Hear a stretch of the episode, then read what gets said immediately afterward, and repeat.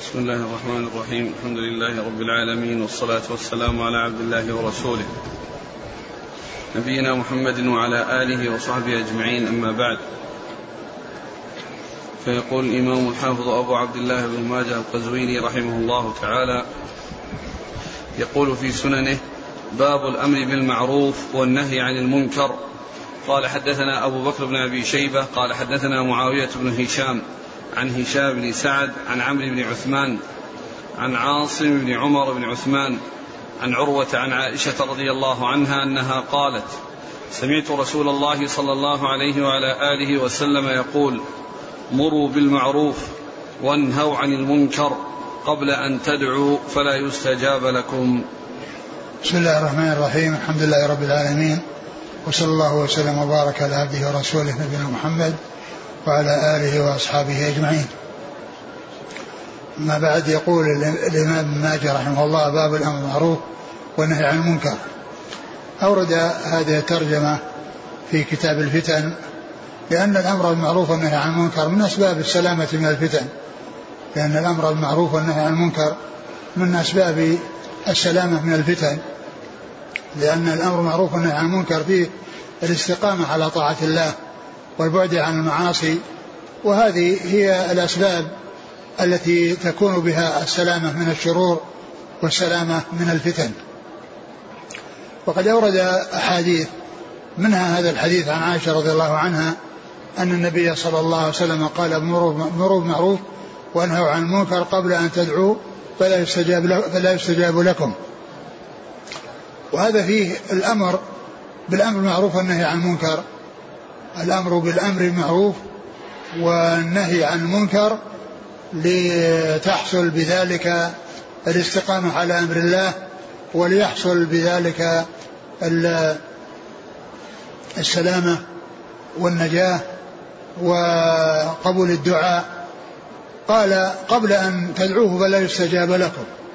يعني معناه إذا حصل الإخلال بالمعروف بالمعروف والنهي عن المنكر فإن ذلك من أسباب عدم قبول الدعاء والأمر معروف والنهي عن المنكر والاستقامة على أمر الله عز وجل هذا من أسباب قبول الدعاء. قال مروا بالمعروف وانهوا عن المنكر قبل أن تدعوا فلا يستجاب لكم. نعم. قال حدثنا أبو بكر بن أبي شيبة ثقة أخرج أصحاب الكتب إلا الترمذي. عن معاوية بن هشام وهو صدوق أخرج له. البخاري المفرد ومسلم وأصحاب السنن. نعم. عن هشام بن سعد. وهو ثقة. أخرج أصحاب نعم. صدوق له أوهام نعم. البخاري تعليقا ومسلم وأصحاب السنن. نعم. عن عمرو بن عثمان. وهو؟ مستور أخرجه نعم. أبو داود وابن ماجه. نعم. عن عاصم بن عمر بن عثمان. وهو مجهول. أخرج له ابن ماجه. نعم. عن عروة عن عائشة. عروة بن الزبير بن العوام ثقة فقيه أخرج أصحاب الكتب. وعائشة أم رضي الله عنها وأرضاها. والحديث في إسناده من هو متكلم فيه ولكن له شواهد. تدل على أن له أنه ثابت. نعم. قال حدثنا أبو بكر بن أبي شيبة قال حدثنا عبد الله بن نمير وأبو أسامة عن إسماعيل بن أبي خالد عن قيس بن أبي حازم قال قام أبو بكر رضي الله عنه فحمد الله وأثنى عليه ثم قال يا أيها الناس إنكم تقرؤون هذه الآية. يا أيها الذين آمنوا عليكم أنفسكم لا يضركم من ضل إذا اهتديتم. وإنا سمعنا رسول الله صلى الله عليه وعلى آله وسلم يقول إن الناس إذا رأوا المنكر إذا رأوا المنكر لا يغيرونه أوشك أن يعمهم الله بعقابه. قال أبو أسامة مرة أخرى فإني سمعت رسول الله صلى الله عليه وسلم يقول ثم ذكر حديث أبي بكر الصديق رضي الله عنه حول هذه الآية. يا أيها الذين آمنوا عليكم أنفسكم لا يضركم من ضل إذا اهتديتم. وقال وخطب الناس وقال إنكم تقرؤون هذه الآية وأنهم يفهمونها على غير ما هي عليه وأن النبي صلى الله عليه وسلم آه وأن الناس إذا وإني, وإني سمعت وإنا سمعنا رسول الله وسلم أن الناس إذا رأوا المنكر لا يغيروه. وأن سمعنا رسول الله صلى الله عليه وسلم أن الناس إذا رأوا المنكر فلم يغيروه أوشك أن يعمهم الله بعقاب منه أوشك أن يعمهم الله بعقاب. يعني أن أن الأمر بالمعروف أن النهي عن المنكر إذا لم يقوم الناس بإنكاره فإن ذلك من أسباب العقوبة. فإن ذلك من أسباب العقوبة. وليس معنى الآية أن أن الناس إذا استقاموا يتركون غيرهم ولا يضرهم بعد ذلك وإنما المقصود من ذلك أنهم إذا قاموا بما يجب عليهم فإنه لا يضرهم ضلال من ضل إذا اهتدوا. لا يضرهم ضلال من ضل إذا اهتدوا يعني إذا قاموا بما أدوا بما يجب عليهم. أما إذا لم يقوم بما يجب عليهم فإنهم يأثمون لأنهم مقصرون وتركوا الأمر والنهي الذي هو واجب.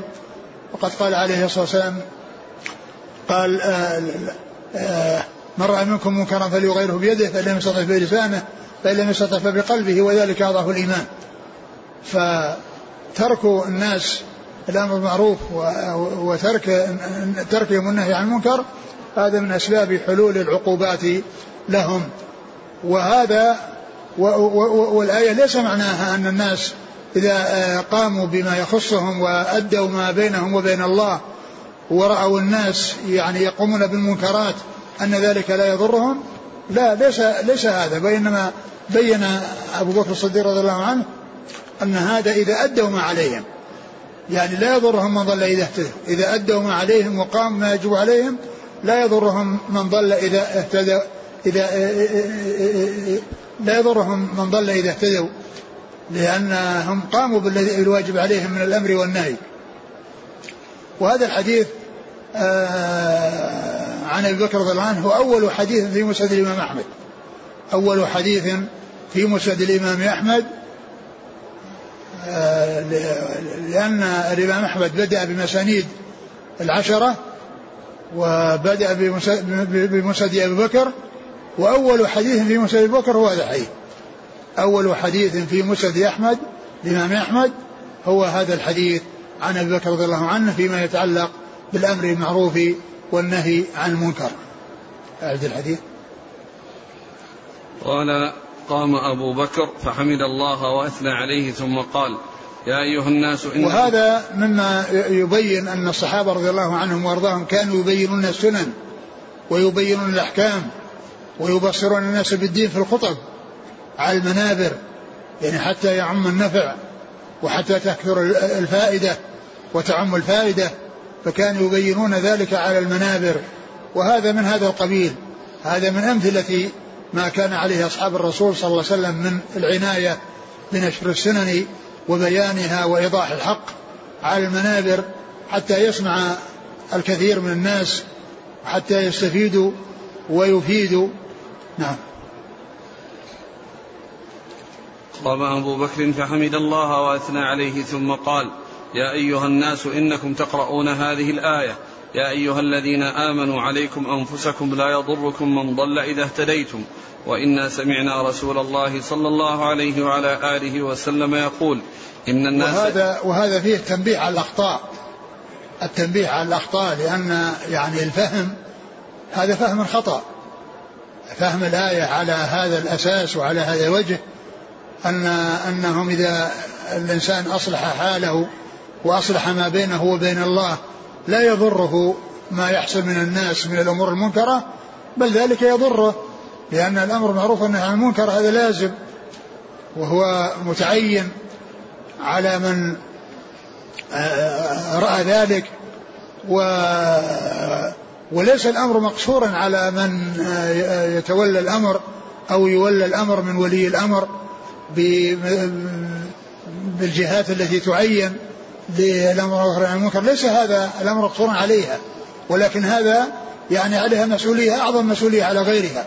وإلا كل فكل مسلم وكل مؤمن عليه أن يكون آمرا معروفا ناهيا عن المنكر لكن على التفصيل والبيان الذي جاء في حديث الرسول صلى الله عليه وسلم من رأى منكم منكرا فليغيره بيده فإن لم يستطع فبلسانه فإن لم يستطع فبقلبه وذلك أضعف الإيمان. فولي الأمر ونواب الأمر ولي الأمر هؤلاء هم الذين يغيرون باليد. وأما غيرهم ف فهو يستطيع أن يغير باليد بالنسبة لأهله وبأهل بيته. وأما يعني خارج ذلك فإنما هو لولي الأمر ونوابه ونوابه آه، الذين يكلفون بالقيام بالمعروف والنهي عن المنكر. هؤلاء هم الذين يستطيعون أن يغيروا بأيديهم. فالولاة ونواب الولاة هؤلاء هم الذين لهم الحق يعني في ذلك. هذا يبين لنا أن أن التنبيه على الأخطاء وأن أنه إذا حصل فهم لشيء على سبيل الخطأ فإنه يبين أن هذا خطأ وأن هذا ليس صحيح وإنما الصحيح هو كذا وكذا. ثم بعد ذلك يبين يعني بين رضي الله عنه أن الرسول عليه الصلاة والسلام قال إن الناس إذا رأوا المنكر فلم يغيروه أوشك أن يعمهم الله. يعني معناها أن العقوبة تحصل للجميع. كما قال الله عز وجل واتقوا فتنة لا تصيبن الذين ظلموا منكم خاصة واعلموا أن الله شديد العقاب. فإن البلاء والعقوبة إذا حصلت تحصل للصالح والطالح. ولهذا جاء في الحديث الآخر الذي يقول أهلكوا فينا الصالحون؟ قال نعم إذا كثر الخبث. إذا كثر الخبث يهلكون وفيهم الصالحون ثم كل يبعث على نيته. ثم كل يبعث على نيته. نعم.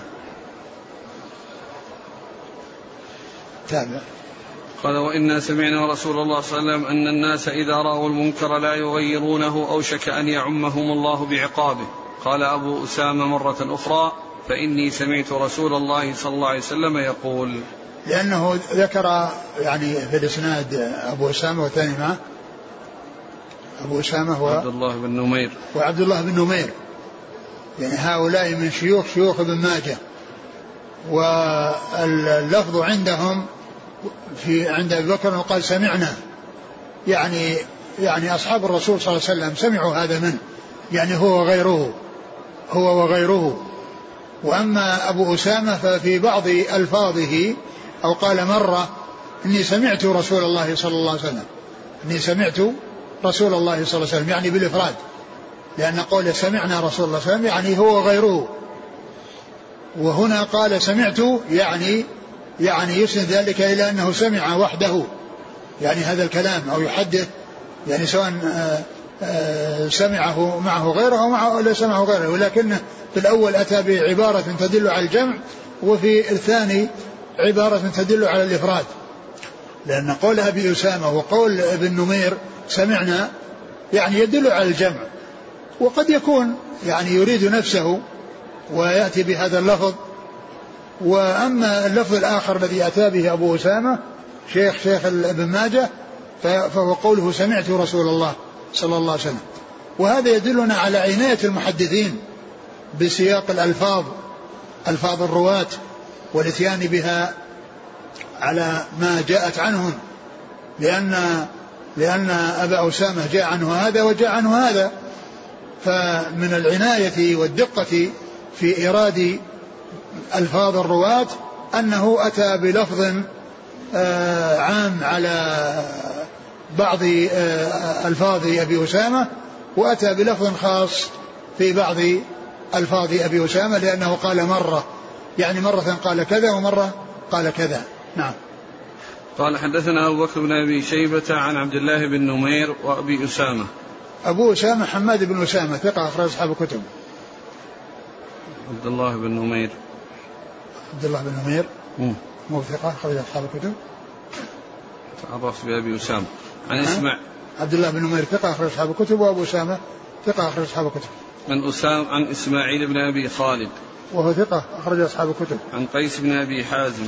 وهو ثقة أخرج أصحاب الكتب. عن أبي بكر. أبو بكر الصديق رضي الله عنه خليفة رسول الله صلى الله عليه وسلم وأفضل هذه الأمة. صاحب المناقب الجمة والفضائل الكثيرة. وحديثه عند أصحاب الكتب الستة. وقيس بن أبي حازم هذا من المخضرمين. وهو الذي قيل إنه اتفق أن يروي عن العشرة المبشرين بالجنة. وهذا الحديث من روايته عن أولهم عن أول العشرة وخير العشرة وأفضل العشرة وأفضل هذه الأمة أبو بكر الصديق رضي الله عنه وأرضاه. نعم.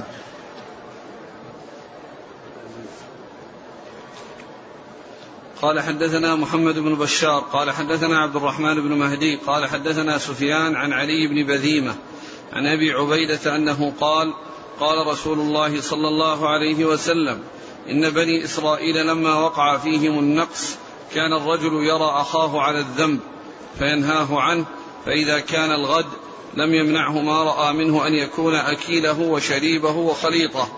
فضرب الله قلوب بعضهم ببعض ونزل فيهم القرآن فقال لعن الذين كفروا من بني إسرائيل على لسان داود وعيسى بن مريم حتى بلغ ولو كانوا يؤمنون بالله والنبي وما أنزل إليهم اتخذوهم أولياء ولكن كثيرا منهم فاسقون. قال وكان رسول الله صلى الله عليه وسلم متكئا فجلس وقال لا حتى تأخذوا على يدي الظالم فتأطروه على الحق أطرا. الإسناد الثاني. قال حدثنا محمد بن بشار قال حدثنا أبو داود أملاه علي قال حدثنا محمد بن أبي محمد بن أبي وض...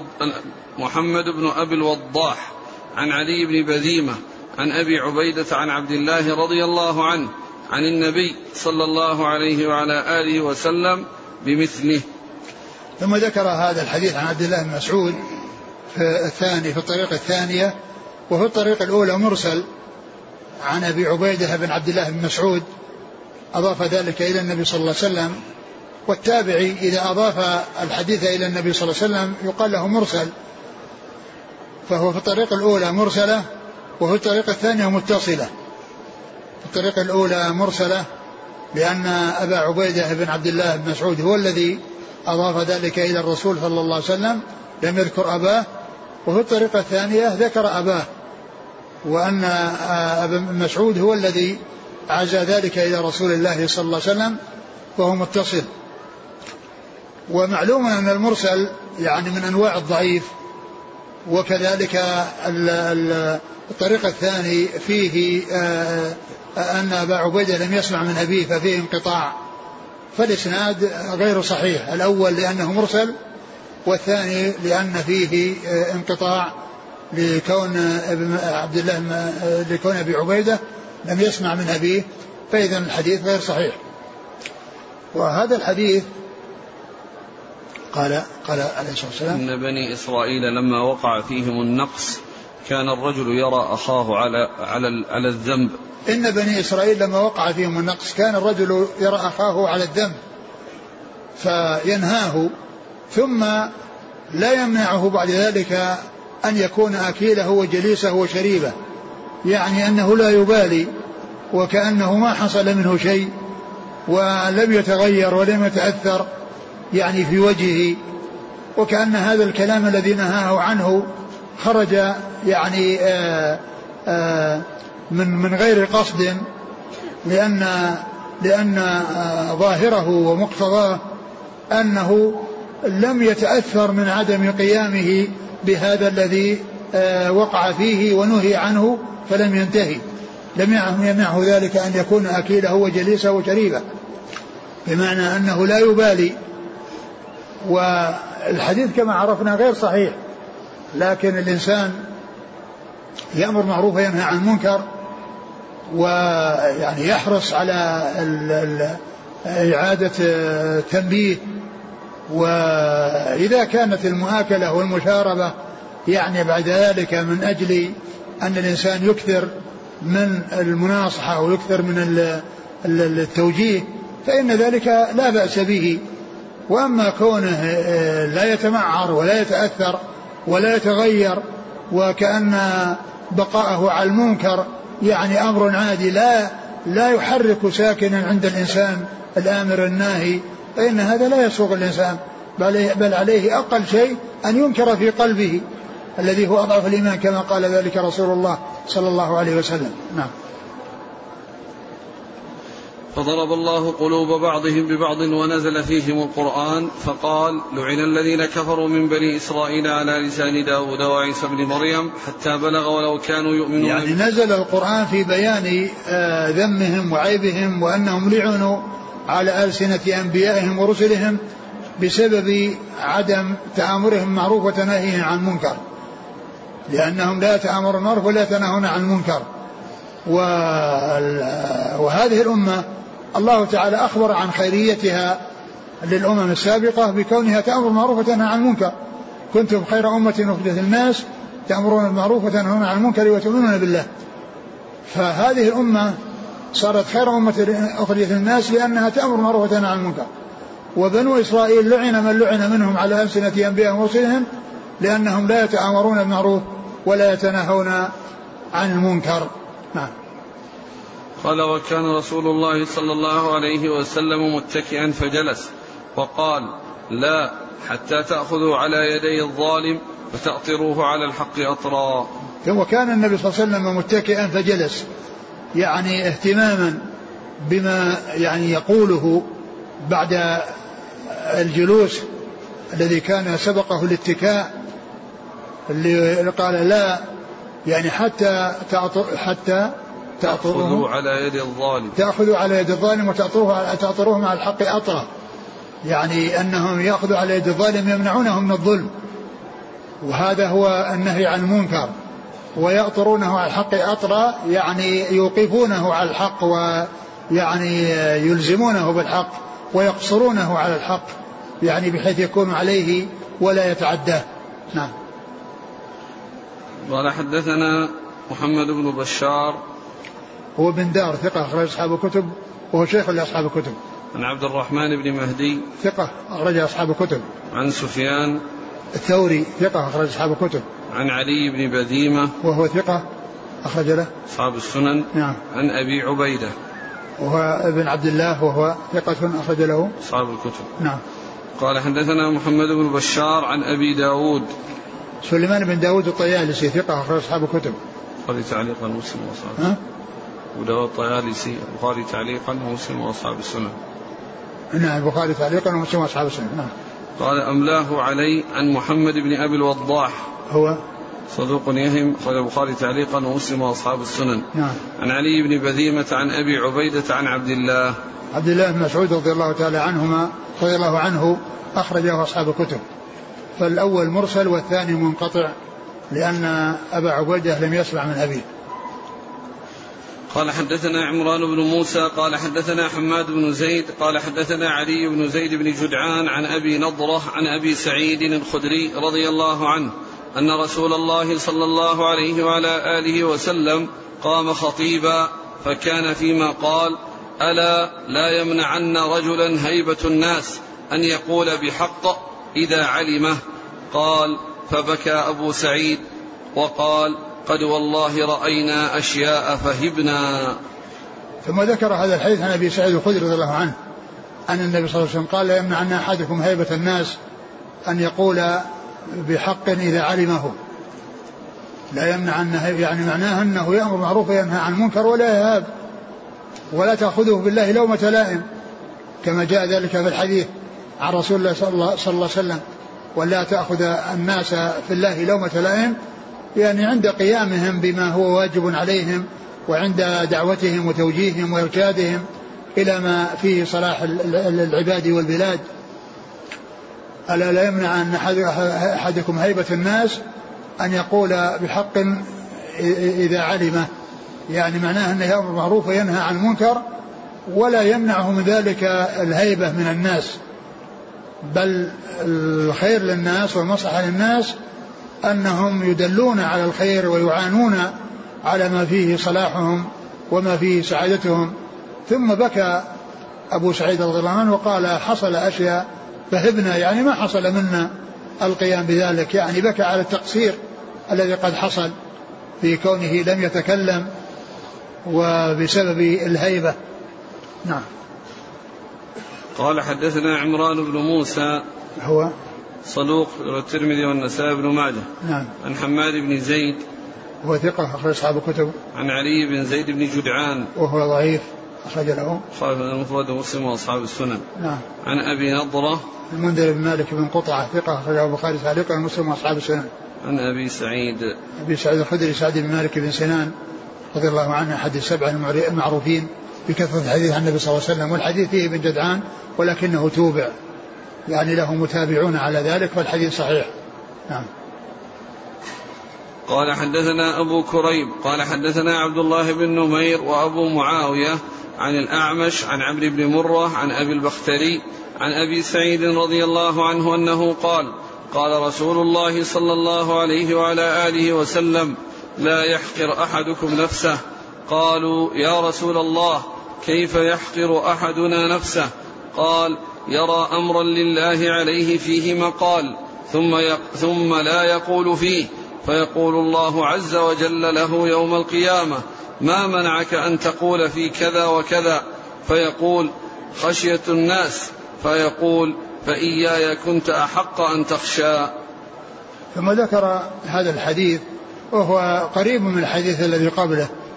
يعني آه، كون الإنسان يعني آه، يقول الحق ولو ولو حصل يعني في هيبة من الناس فإن فإن أمر الناس بالمعروف ونهيهم عن المنكر فيه المصلحة العامة التي تعود على الناس جميعا وتعود على الآمر والمأمور. تعود على الآمر والمأمور. قال إيش؟ الحديث؟ لا يحقر أحدكم نفسه. لا يحقر أحدكم نفسه. يعني بمعنى أنه يعني يرى فيقول هذا يعني يقوم بغيري أو أنني يعني لست أهلا لذلك وإنما على كل إنسان أن يؤدي ما هو واجب عليه.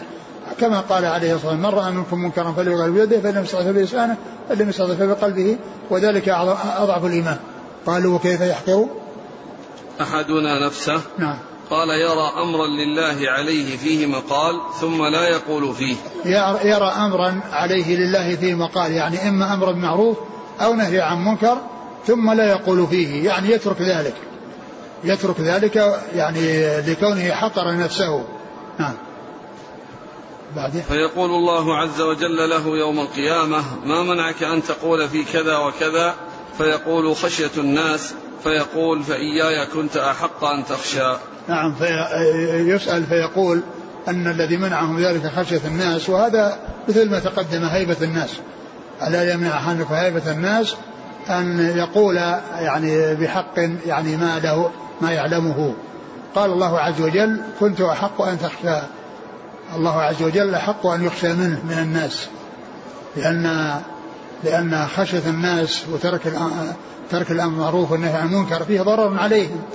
وخشية الله عز وجل وإن خالف ذلك ما يشتهون وإن كان يعني يعني في هيبة إلا أن العاقبة حميدة عند عند الله عز وجل له لكونه أدى ما عليه وقد يستجاب له فيحصل ذلك ال ال يحصل نتيجة لهذا الأمر ولهذا النهي فيستفيد المأمور المنهي ويثاب الآمر الناهي بمثل ما استفاد المأمور المنهي لقوله صلى الله عليه وسلم من دعا إلى هدى كان له من أجر في أجر من تبعه لا ينقص ذلك من أجورهم شيئا ومن دعا إلى ضلالة كان عليه من الإثم مثل آثام من تبعه لا ينقص ذلك من آثامهم شيئا. نعم. قال حدثنا أبو كريب. محمد بن علاء بن كريب ثقة أخرج أصحاب الكتب وهو شيخ لأصحاب الكتب. عن عبد الله بن نمير وأبي معاوية. محمد بن خازم الضرير ثقة أخرج أصحاب الكتب. عن الأعمش. سليمان بن مهران ثقة أخرج أصحاب الكتب. عن عمرو بن مرة. وهو ثقة أخرج أصحاب الكتب. عن أبي البختري. وهو ثقة أخرج له. أصحاب الكتب. نعم. عن أبي سعيد. نعم. قال حدثنا علي بن محمد قال حدثنا وكيع عن إسرائيل عن أبي إسحاق عن عبيد الله بن جرير عن أبيه رضي الله عنه أنه قال قال رسول الله صلى الله عليه وعلى آله وسلم ما من قوم يعمل فيهم بالمعاصي هم أعز منهم وأمنع لا يغيرون إلا عمهم الله بعقاب. ثم ذكر هذا الحديث عن جرير بن عبد الله ما من قوم ما من قوم يعمل فيهم المعاصي نعم. يعمل فيهم المعاصي هم أعز منهم وأمنع. يعني الآمرون الناهون أعز وأمنع من المأمور المنهيين لأنهم يعني يكونون بذلك مقصرين. إلا إلا أوشك؟ إلا عمهم الله بعقاب. إلا عمهم الله بعقاب. إلا عمهم الله بعقاب كما قال الله عز وجل واتقوا فتنة لا تصيبن الذين ظلموا منكم خاصة. يعني فهذا من أسباب العقوبات العامة وهي كون آه، آه، من له قدرة على الأمر والنهي يعني لا يأمر ولا ينهى يعني هذا من أسباب العقوبات. ولهذا قال هم أعز وأمنع يعني من المأمورين المنهيين. وهذا يدل على أنه إذا كان المأمورون المنهيون عندهم القوة وعندهم المنعة وعندهم العزة والذي يأمر وينهى يعني يعني دونهم. وقد يعني لا يحصل يعني الفائدة وقد يتضرر وقد يحصل فإن الأمر بخلاف ذلك لأن الحديث جاء في أن الآمرين المنهيين الآمرين الناهين هم الأعز الأمنع. هم الأعز من غيرهم والأمنع من غيرهم من المأمورين. فعند ذلك آه، أدوا مقصرين مع قدرتهم. يعني تركوا ما هو واجب عليهم مع قدرتهم عليه. يعني ليس فيه هيبة وليس فيه خوف وإنما تقصير وإهمال وتفريط. فهذا من أسباب العقوبات. يعني كون الناس يستمرئون النظر للمنكرات وهم عندهم قدرة على تغييرها وعلى منعها أو النهي عنها ثم يتركون ذلك ويبقون الأمور على ما هي عليه هذا من أسباب العقوبات. نعم. قال حدثنا علي بن محمد. الطنافسي ثقة أخرج حديث النسائي في مسجد علي وابن ماجه. عن وكيع. بالجراح ثقة أخرج أصحاب الكتب. عن إسرائيل. ثقة أخرج أصحاب الكتب. عن أبي إسحاق. عبد عمرو بن عبد الله الهمداني السبيعي ثقة أخرج أصحاب الكتب. عن عبيد الله بن جرير. وهو؟ مقبول أخرجه ابن ماجه. نعم. عن أبيه. جرير بن عبد الله البجلي رضي الله عنه أخرج أصحاب الكتب. قال حدثنا سويد بن سعيد قال حدثنا يحيى بن سليم عن عبد الله بن عثمان بن خثيم عن أبي الزبير. عن جابر رضي الله عنه أنه قال لما رجعت إلى رسول الله صلى الله عليه وسلم مهاجرة البحر. قال ألا تحدثوني بأعاجيب ما رأيتم بأرض الحبشة؟ قال فتية منهم بلى يا رسول الله بينا نحن جلوس مرت بنا عجوز من عجائز رهابينهم تحمل على رأسها قلة من ماء فمرت بفتى منهم فجعل إحدى يديه بين كتفيها ثم دفعها فخرت على ركبتيها فانكسرت قلتها فلما ارتفعت التفتت إليه فقالت سوف تعلم يا غدر إذا وضع الله الكرسي وجمع الأولين والآخرين وتكلمت الأيدي والأرجل بما كانوا يكسبون فسوف تعلم كيف أمري وأمرك عنده غدا. قال يقول رسول الله صلى الله عليه وسلم صدقت صدقت كيف يقدس الله أمة لا يؤخذ لضعيفهم من شديدهم؟ ثم ذكر هذا الحديث أن النبي صلى الله عليه وسلم لما جاء مهاجرة البحر الذين هاجروا الحبشه الذين ذهبوا إلى الحبشة لما رجعوا سألهم النبي صلى الله عليه وسلم عن, عن الأشياء التي شاهدوها من أعاجيب ما رأوه عن من الأشياء العجيبة التي رأوها. فقالوا نعم. فحدثوه أن امرأة من رهابينهم من الرهبان المتعبدات آه، كانت تحمل على رأسها قلة من الماء. فجاء فتى من من فتيانهم فضربها أو دفعها على بين كتفيها من خلفها فخرت يعني وسقطت. فسقطت القلة التي على رأسها وانكسرت.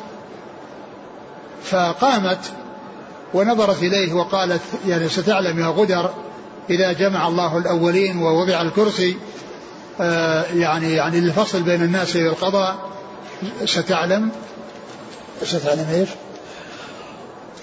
سوف تعلم يا غدر إذا وضع الله الكرسي وجمع الأولين والآخرين وتكلمت الأيدي والأرجل بما كانوا يكسبون فسوف تعلم كيف أمري وأمرك عنده غدا نعم يعني إذا إذا جمع الله الأولين والآخرين وحاسبهم وتكلمت الأيدي والأرجل بما كان يعمل الناس يعني في يعني في الدنيا ستعلم ما يكون بيني وبينك أو أن الله يقضي بين وبين بيني وبينك بالعدل فينصفها منه فتأخذ حقها منه يوم الحساب يوم العرض على الله عز وجل. فالنبي صلى الله عليه وسلم قال صدقت صدقت يعني أن أن الله يحاسب الناس وأنه آه، آه، يجازيهم على أعمالهم ويقضي يعني ينصف المظلوم من من الظالم ويؤاخذ المظلوم بما الظالم بما يستحقه من العقوبة. ثم قال كيف تقدس؟ قال صدقت صدقت كيف يقدس الله أمة لا يؤخذ لضعيفهم من شديدهم. ثم قال كيف يقدس الله أمة لا يؤخذ من ضعيفهم؟ لشديدهم يعني يعني لا يؤخذ من من الظالم للمظلوم ولا يعني يوقف الظالم عند حده بل آه، يعني آه، ال ال ال الواجب هو أن آه، ينصر المظلوم والظالم كما قال عليه الصلاة والسلام انصر أخاك ظالما مظلوما قيل أنصره مظلوما كيف أنصره ظالما؟ قال تمنعه من الظلم. قال تمنعه من الظلم فذلك نصره. لأن فيه نصره على نفسه لأن نفسه تجره إلى المهالك وإذا منع من الظلم سلم من تبعاته ومن آثاره. نعم. قال حدثنا سويد بن سعيد صدوق أخرج له. مسلم بن ماجه. نعم. عن يحيى بن سليم وهو؟ صدوق سيء الحفظ أخرج نعم. أصحاب الكتب. نعم. عن عبد الله بن عثمان بن ختيم وهو؟ صدوق في البخاري تعليقا ومسلم وأصحاب السنن. نعم. عن أبي الزبير محمد بن مسلم صدوق خرج أصحاب الكتب. عن جابر. رضي الله عنه اخرجه اخرجه أصحاب الكتب وهو أحد السبعة المكثرين من حديث رسول الله صلى الله عليه وسلم. والحديث يعني جاء من طريق أخرى يعني غير هذا الطريق. نعم.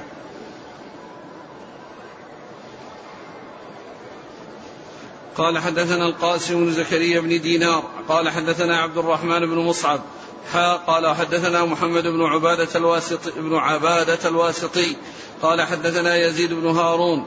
قال حدثنا إسرائيل. قال أنبانا محمد بن جحادة عن عطية العوفي عن أبي سعيد الخدري رضي الله عنه أنه قال قال رسول الله صلى الله عليه وسلم أفضل الجهاد كلمة عدل عند سلطان جائر. ثم ذكر هذا الحديث أفضل الجهاد كلمة عدل أو كلمة حق. عند في بعض الروايات بعض الأحاديث حق. كلمة عدل عند سلطان جائر. هذا من أفضل الجهاد في سبيل الله. لأن الجهاد يعني في جهاد النفس وجهاد الأعداء. وهذا من أعظم الجهاد. يعني كون الحق يظهر ويبرز عند من يحصل منه إخلال به أو تقصير فيه أو إنكار له. كلمة حق عند سلطان جائر. يعني الجائر يعني معناه أنه عرضة لأن يعاقبه وأن يؤذيه بسبب كونه ذكر يعني شيئا لا يناسبه. فوصفه بالجائر يعني معناه أنه أقدم على الحق ولم ولم يخاف بالله لومة لائم بالكلام ببيان الحق عند ذلك السلطان الجائر فهذا من أفضل الجهاد وقد جاء الحديث من عدة طرق وهو صحيح ثابت عن رسول الله صلى الله عليه وسلم. وإن كان في إسناده هنا عطية العوفي إلا أنه جاء من طرق أخرى. نعم. قال حدثنا القاسم بن زكريا بن دينار. هو؟ ثقة أخرجه مسلم والترمذي والنسائي بن ماجه. نعم. عن عبد الرحمن بن مصعب. وهو؟ مقبول أخرجه الترمذي والنسائي في مسند علي بن ماجه. نعم. حا قال وحدثنا محمد بن عبادة. وهو؟ صدوق في البخاري وأبو داود بن ماجه. نعم. عن يزيد بن هارون. الواسطي ثقة أخرج أصحاب الكتب. عن إسرائيل عن محمد بن جحادة. وهو؟ ثقة أخرج أصحاب الكتب. نعم. عن عطية العوفي. وهو ضعيف. صدوق يخطئ كثيرا. نعم. البخاري على المفرد وابو داود الترمذي وابن ماجه. نعم. عن أبي سعيد الخدري. نعم. قال حدثنا راشد بن سعيد الرملي قال حدثنا الوليد بن مسلم قال حدثنا حماد بن سلمة عن أبي غالب عن أبي أمامة رضي الله عنه أنه قال عرض لرسول الله صلى الله عليه وسلم رجل عند الجمرة الأولى فقال يا رسول الله أي الجهاد أفضل؟ فسكت عنه فلما رأى الجمرة الثانية سأله فسكت عنه فلم يعني في بعض النسخ رمى. الجمرة الوسطى في بعض النسخ رأى وفي بعضها رمى. ورمى هي المطابقة للأولى والثانية التي قبلها والتي بعدها. نعم. نعم. هنا الآن نسخة على ست نسخ خطية إيش فيه؟ يقول في طبعة الآن خرجت على ست نسخ خطية فهي أوثق ما خرج. يعني فيها رأى؟ رمى. رمى. يعني هي اللي هي التي في النسخ الخطية نعم. نعم. لا وهي المطابقة لما قبلها وما بعدها لأن كلها رمي. رمى الأولى رمى الثانية رمى الثالثة. عن أبي أمامة رضي الله عنه قال عرض لرسول الله صلى الله عليه وسلم رجل عند الجمرة الأولى فقال يا رسول الله أي الجهاد أفضل؟ فسكت عنه. فلما رمى الجمرة الثانية سأله فسكت عنه. فلما رأى فلما رمى الجم فلما رمى جمرة العقبة وضع رجله في الغرز ليركب.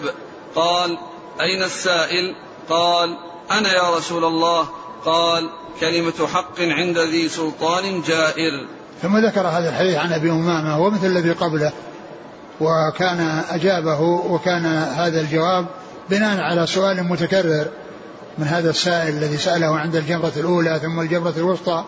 ثم جمرة العقبة ولما ركب ووضع رجله في الغرز يعني والمكان الذي توضع فيه الأرجل يعني عند عندما يركب الراكب على راحلته قال أين السائل؟ فقال أنا قال كلمة حق عند ذي سلطان جائر. نعم فهذا يعني مثل الذي قبله. نعم. قال حدثنا راشد بن سعيد الرملي. هو؟ صدوق ابن ماجه. نعم. عن الوليد بن مسلم. ثقة أخرج أصحاب الكتب. عن حماد بن سلمة.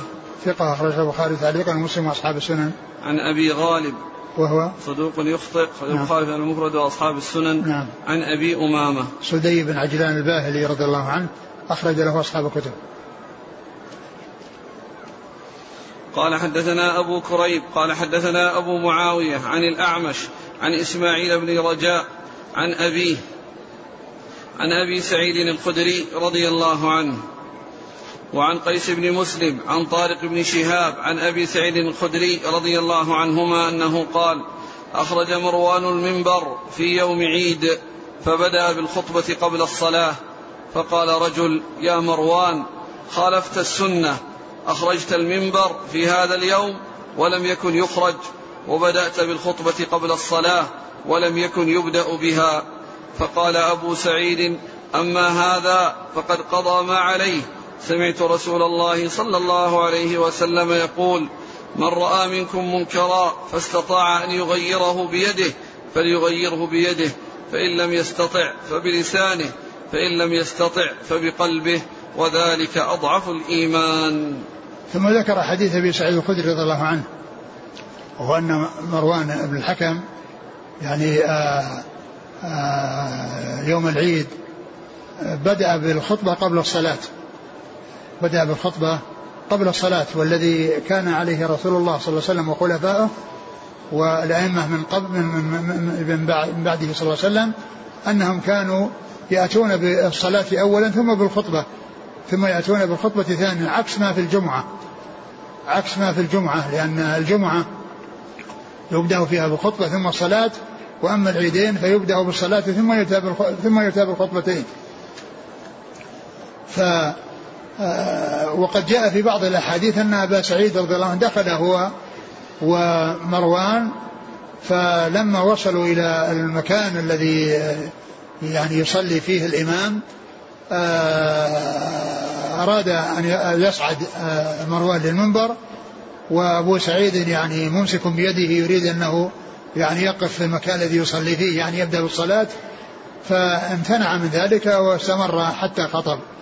وبدأ بالخطبة قبل الصلاة وبدأ بالخطبة قبل الصلاة. فقام رجل وقال يعني خالفت السنة أن الرسول صلى الله عليه وسلم إنما كان آه، يصلي قبل أن يخطب. قال ابن مسعود قال أبو سعيد أما هذا فقد أدى ما عليه. سمعت رسول الله صلى الله عليه وسلم يقول من رأى منكم منكرا فليغير بيده فإن لم يستطع بلسانه فإن لم يستطع بقلبه وذلك أضعف الإيمان. يعني أنه استطاع أن يغير بلسانه واستطاع أن يبين بلسانه. و و وأبو سعيد رضي الله عنه هو أراد أن يغير يعني بالفعل ولكنه استمر في ذلك وكأن هذا يعني كان بعيدا فلم يعني يرى ما فعل أبو سعيد ثم إنه قال ما قال وبين أن هذا أمر غير سائغ وأن هذا فيه مخالفة لسنة الرسول صلى الله عليه وسلم. فقال عند ذلك أبو سعيد أما هذا أي الذي قال لمروان هذا الكلام قد أدى ما عليه. ثم ساق حديث رسول الله صلى الله عليه وسلم وهو قوله من رأى منكم منكرا فليغيره بيده. فإن لم يستطع فبلسانه فإن لم يستطع فبقلبه وذلك أضعف الإيمان. وهذا فيه بيان درجات تغيير المنكر وأعلاها وأقواها التغيير باليد.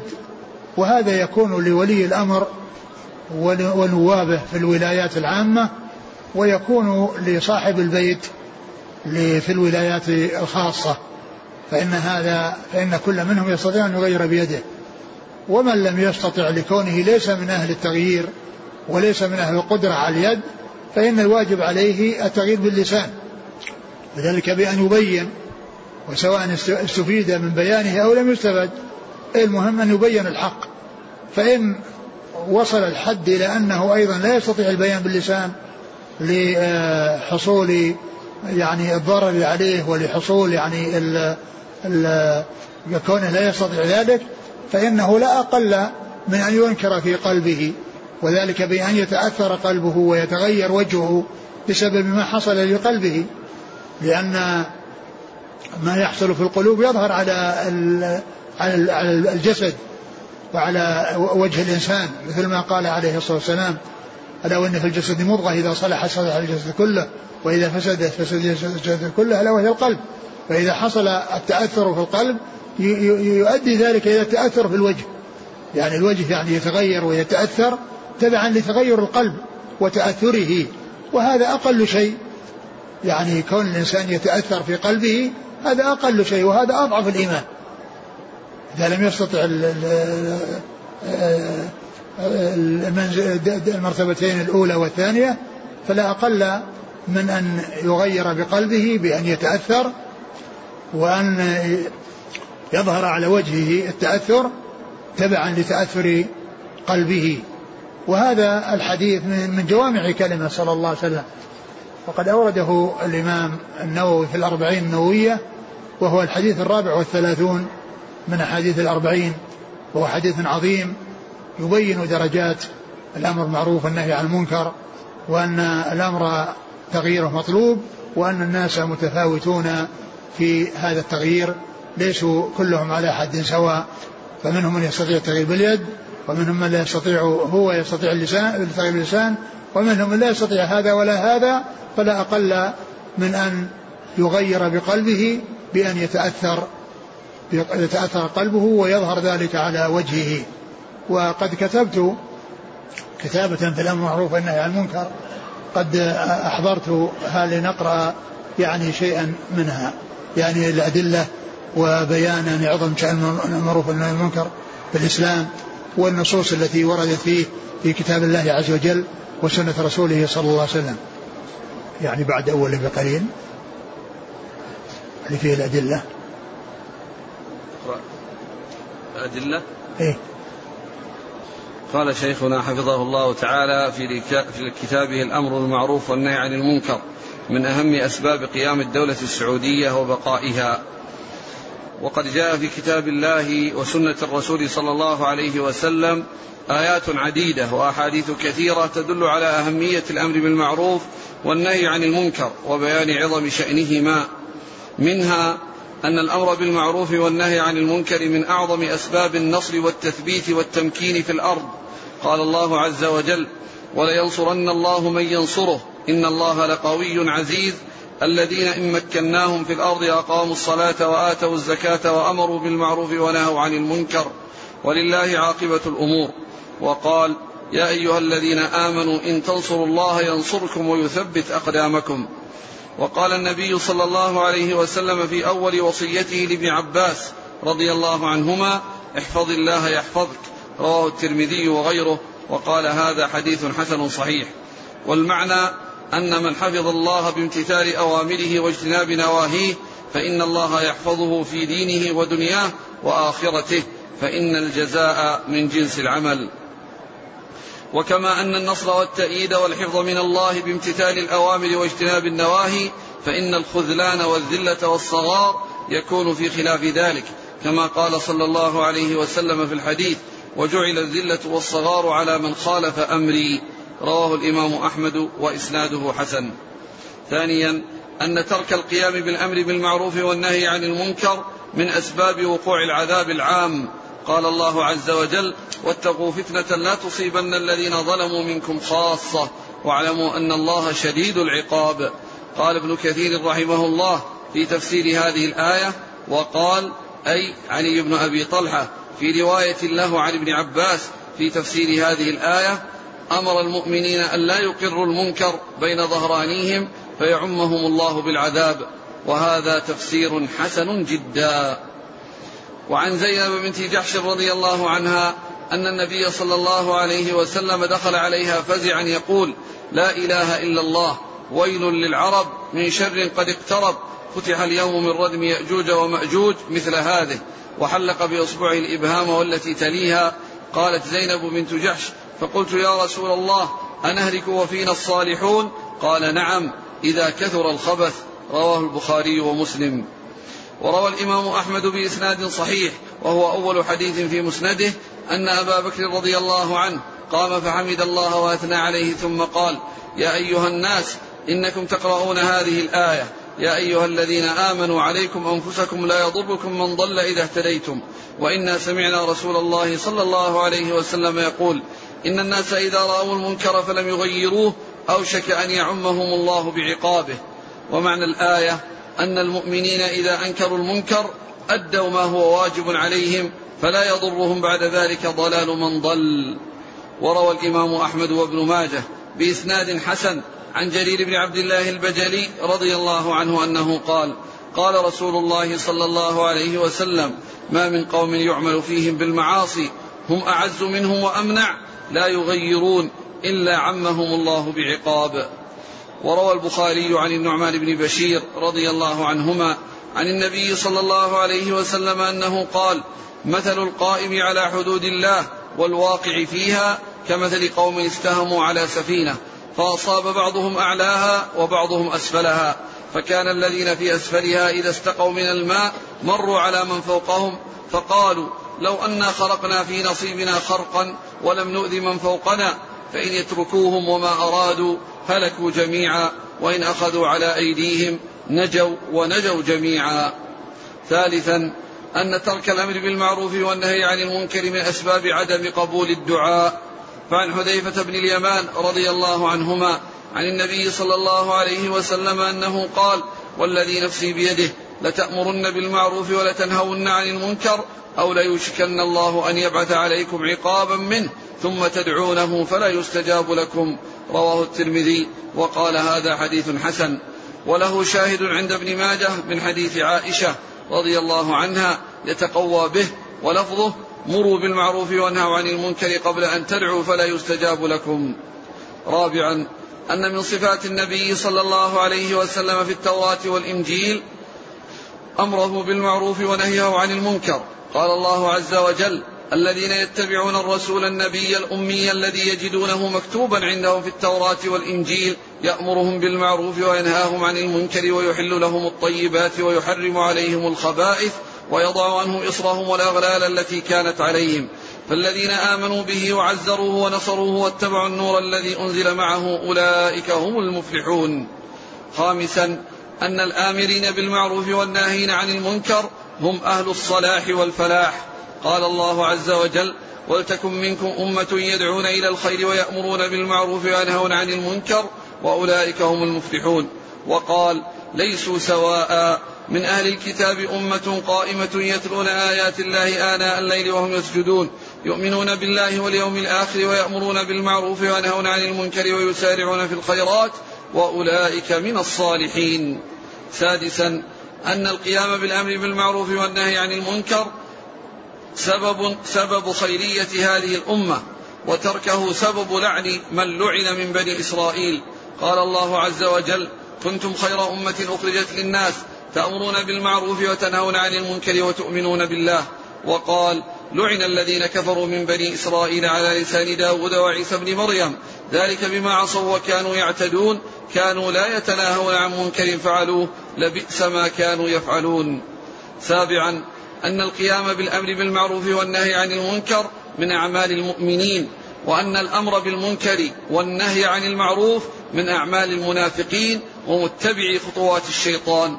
قال الله عز وجل والمؤمنون والمؤمنات بعضهم أولياء بعض يأمرون بالمعروف وينهون عن المنكر ويقيمون الصلاة ويؤتون الزكاة ويطيعون الله ورسوله.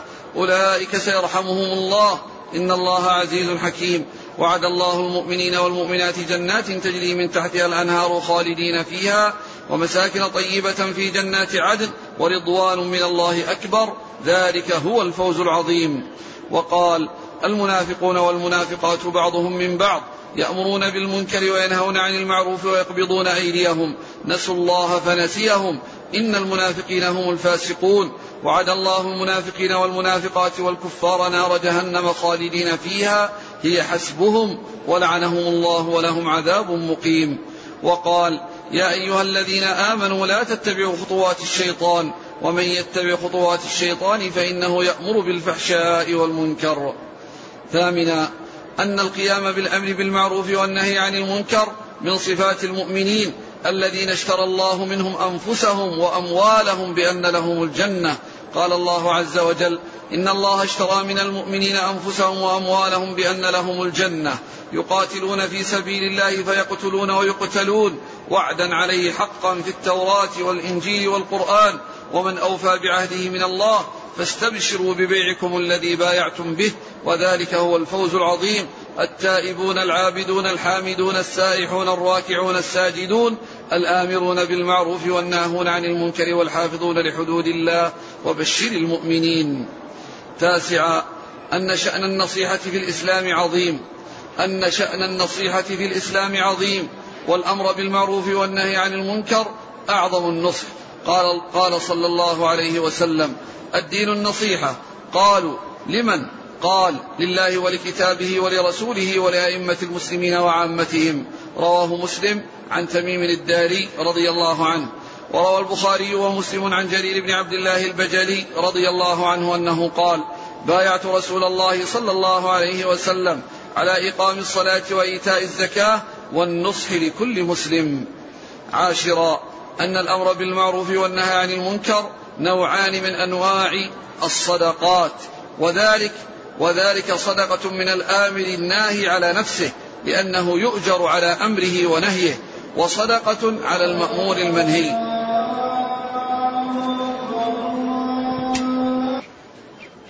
نعم.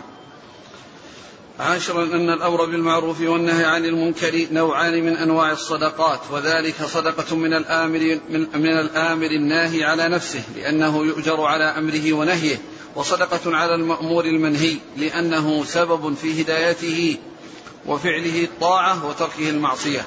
روى مسلم في صحيحه عن أبي ذر رضي الله عنه أن ناسا من أصحاب النبي صلى الله عليه وسلم قالوا للنبي صلى الله عليه وسلم يا رسول الله ذهب أهل الدثور بالأجور يصلون كما نصلي ويصومون كما نصوم ويتصدقون بفضول أموالهم. قال أوليس قد جعل الله لكم ما تصدقون به إن بكل تسبيحة صدقة وكل تكبيرة صدقة وكل تحميدة صدقة وكل تهليلة صدقة وأمر بالمعروف صدقة ونهي عن منكر صدقة وفي بضع أحدكم صدقة. قالوا يا رسول الله أيأتي أحدنا شهوته ويكون له فيها أجر؟ قال أرأيتم لو وضعها في حرام؟ أكان عليه فيها وزر؟ فكذلك إذا وضعها في الحلال كان له أجر. وروى عنه أيضا عن النبي صلى الله عليه وسلم أنه قال يصبع على كل سلامة من أحدكم صدقة وكل تسبيحة صدقة وكل تحميدة صدقة وكل تهليلة صدقة وكل تكبيرة صدقة وأمر بالمعروف صدقة ونهي عن المنكر صدقة ويجزئ من ذلك ركعتان يركعهما من الضحى. وقال صلى الله عليه وسلم تبسمك في وجه أخيك لك صدقة وأمرك بالمعروف ونهيك عن المنكر صدقة. الحديث روى الترمذي عن أبي ذر رضي الله عنه بإسناد حسن. وقال صلى الله عليه وسلم كل معروف صدقة. رواه البخاري عن جابر رضي الله عنه وروى مثله مسلم عن حذيفة رضي الله عنه. الحادي عشر أن الأمر بالمعروف والنهي عن المنكر من خير ما يتناجى به الناس. قال الله عز وجل لا خير في كثير من نجواهم إلا من أمر بصدقة أو معروف أو إصلاح بين الناس. ومن يفعل ذلك ابتغاء مرضات الله فسوف نؤتيه أجرا عظيما. وقال يا أيها الذين آمنوا إذا تناجيتم فلا تتناجوا بالإثم والعدوان ومعصية الرسول وتناجوا بالبر والتقوى واتقوا الله الذي إليه تحشرون. وقال وتعاونوا على البر والتقوى ولا تعاونوا على الإثم والعدوان واتقوا الله إن الله شديد العقاب. الثاني عشر أن الرائين للمنكر سواء شاهدوه أو علموه متفاوتون في تغييره على درجات ثلاث وهي التغيير باليد ثم التغيير باللسان ثم التغيير بالقلب. ومن قدر على التغيير باليد لا يجزيه التغيير باللسان ومن قدر على التغيير باللسان لا يجزيه التغيير بالقلب. قال صلى الله عليه وسلم من رأى منكم منكرا فليغيره بيده فإن لم يستطع فبلسانه فإن لم يستطع فبقلبه وذلك أضعف الإيمان. رواه مسلم عن أبي سعيد الخدري رضي الله عنه. وقال صلى الله عليه وسلم ما من نبي بعثه الله في أمة قبلي إلا كان له من أمته حواريون وأصحاب يأخذون بسنته ويقتدون بأمره ثم إنها تخلف بعدهم خلوف يقولون ما لا يفعلون ويفعلون ما لا يؤمرون. فمن جاهدهم بيده فهو مؤمن ومن جاهدهم بلسانه فهو مؤمن ومن جاهدهم بقلبه فهو مؤمن. وليس وراء ذلك من الإيمان حبة خردل. رواه مسلم عن ابن مسعود رضي الله عنه. والتغيير باليد يكون للسلطان ونوابه في الولايات العامة ويكون أيضا من صاحب البيت في أهل بيته في الولايات الخاصة. فإذا لم يكن من أهل التغيير باليد انتقل إلى التغيير باللسان حيث يكون قادرا عليه. وإلا فقد بقي عليه التغيير بالقلب وهو أضعف الإيمان. وتغيير المنكر بالقلب يكون بكراهة المنكر وحصول الأثر على القلب بسبب ذلك. ورؤية المنكر المذكورة في حديث أبي سعيد يحتمل أن تكون يحتمل أن تكون المراد منها الرؤية البصرية أو ما يشملها ويشمل الرؤية العلمية. ففي سنن أبي داود بإسناد حسن عن العبس بن عميرة عن النبي صلى الله عليه وسلم أنه قال إذا عملت الخطيئة في الأرض كان من شهدها فكرهها وقال مرة أنكرها كمن غاب عنها ومن غاب عنها فرضيها كان كمن شهدها. ولهذه الأهمية العظيمة للأمر بالمعروف والنهي عن المنكر في نصوص الكتاب والسنة قام مالك عبد العزيز رحمه الله مؤسس المملكة العربية السعودية قبل مئة عام بإنشاء هيئات للأمر بالمعروف والنهي عن المنكر وذلك من أجل أعماله وأعظم حسناته. تحقيقا لقول الله عز وجل ولتكن منكم أمة ولتكن منكم أمة يدعون إلى الخير ويأمرون بالمعروف وينهون عن المنكر وأولئك هم المفلحون. قال ابن كثير رحمه الله تعالى في تفسير هذه الآية. يقول تعالى ولتكن منكم أمة منتصبة للقيام بأمر الله في الدعوة في الدعوة إلى الخير والأمر بالمعروف والنهي عن المنكر. وقال والمقصود من هذه الآية أن تكون فرقة من هذه الأمة متصدية لهذا الشأن وإن كان ذلك واجبا على كل فرد من الأمة بحسبه. ثم ذكر حديث درجات تغيير المنكر. وأيضا لما في ذلك من حفظ الله لهذه البلاد من الشرور كما قال صلى الله عليه وسلم احفظ الله يحفظك. ولأن ذلك من أعظم أسباب حصول النصر من الله والتمكين في الأرض. كما قال الله عز وجل يا أيها الذين آمنوا إن تنصروا الله ينصركم ويثبت أقدامكم. وقال ولينصرن الله من ينصره. إن الله لقوي عزيز. الذين إن مكناهم في الأرض أقاموا الصلاة وآتوا الزكاة وأمروا بالمعروف ونهوا عن المنكر. ولله عاقبة الأمور. ومنذ إنشاء تلك الهيئات استمرت مؤسسة من مؤسسات الدولة في عهده رحمه الله وعهد أبنائه الذين ولوا, ولوا الأمر من بعده. وهي من الميزات التي تميزت بها هذه البلاد على غيرها من البلاد الأخرى التي لا توجد فيها مثل هذه المؤسسة. وقد حصل بسببها خير عظيم ومنافع جليلة واندفع بها شرور كثيرة. والأمر بالمعروف والنهي عن المنكر من مهمات الدولة السعودية أدام الله توفيقها وتسديدها. فقد جاء في المادة الثالثة والعشرين من النظام الأساسي للحكم. تحمي الدولة عقيدة الإسلام وتطبق شريعته وتأمر بالمعروف وتنهى عن المنكر وتقوم بواجب الدعوة إلى الله. والجهة المباشرة لمسؤولية حفظ الأمن في هذه البلاد وزارة الداخلية. وقد قال سمو وزير وقد قال سمو وزيرها الأمير نايف بن عبد العزيز حفظه الله في مطلع حديثه مع مسؤولي الهيئات في لقائه بهم في السابع والعشرين من الشهر الثامن 1427 كما في شريط تسجيل اللقاء قال إنه لشرف لهذه البلاد أمة وقيادة أن فيها من يأمر بالمعروف وينهى عن المنكر وأن الدولة هي التي تقوم بهذا العمل. والتي تحقق هذا الأمر وتعمل من أجله. وهذا ليس بجديد. منذ أن قامت هذه الدولة على يد الإمام المصلح محمد بن سعود إلى الملك عبد العزيز رحمه الله وبعده أبناؤه وإلى الآن وهذا الأمر قائم وسيظل قائما. ويجب أن يعرف الجميع داخل البلاد وخارجها أن الأمر بالمعروف والنهي عن المنكر هو ركن أساسي لدولة الإسلام. وأسأل الله عز وجل أن يجزل الأجر والمثوبة لولاة الأمر في هذه البلاد على الاهتمام والعناية بهيئة الأمر بالمعروف والنهي عن المنكر وتمكينها من القيام بواجبها تحصيلا للمنافع ودفعا للمضار في بلاد الحرمين. إنه سميع مجيب. والله تعالى أعلم وصلى الله وسلم وبارك على عبده ورسوله نبينا محمد وعلى آله وأصحابه أجمعين. ونتوقف عن التدريس إلى يوم الاثنين بعد الأسبوع الآتي. قال حدثنا أبو كريب عن أبي معاوية عن الأعمش عن إسماعيل بن رجاء. نعم من هو؟ إسماعيل؟ إسماعيل بن رجاء. نعم إيش قال فيه؟ ثقة أخرجه مسلم وأصحاب السنن. نعم. عن أبيه وهو؟ صدوق أخرجه مسلم وأبو داود النسائي بن ماجه. نعم. عن أبي سعيد الخدري. نعم. وعن قيس بن مسلم. هو؟ ثقة أخرجه أصحاب الكتب. نعم. عن طارق بن شهاب. صحابي أخرجه أصحاب الكتب. نعم. عن أبي سعيد الخدري. نعم. جزاكم الله خيرا وبارك الله فيكم وألهمكم الله الصواب ووفقكم للحق. ونفعنا الله ما سمعنا وغفر الله لنا ولكم وللمسلمين أجمعين.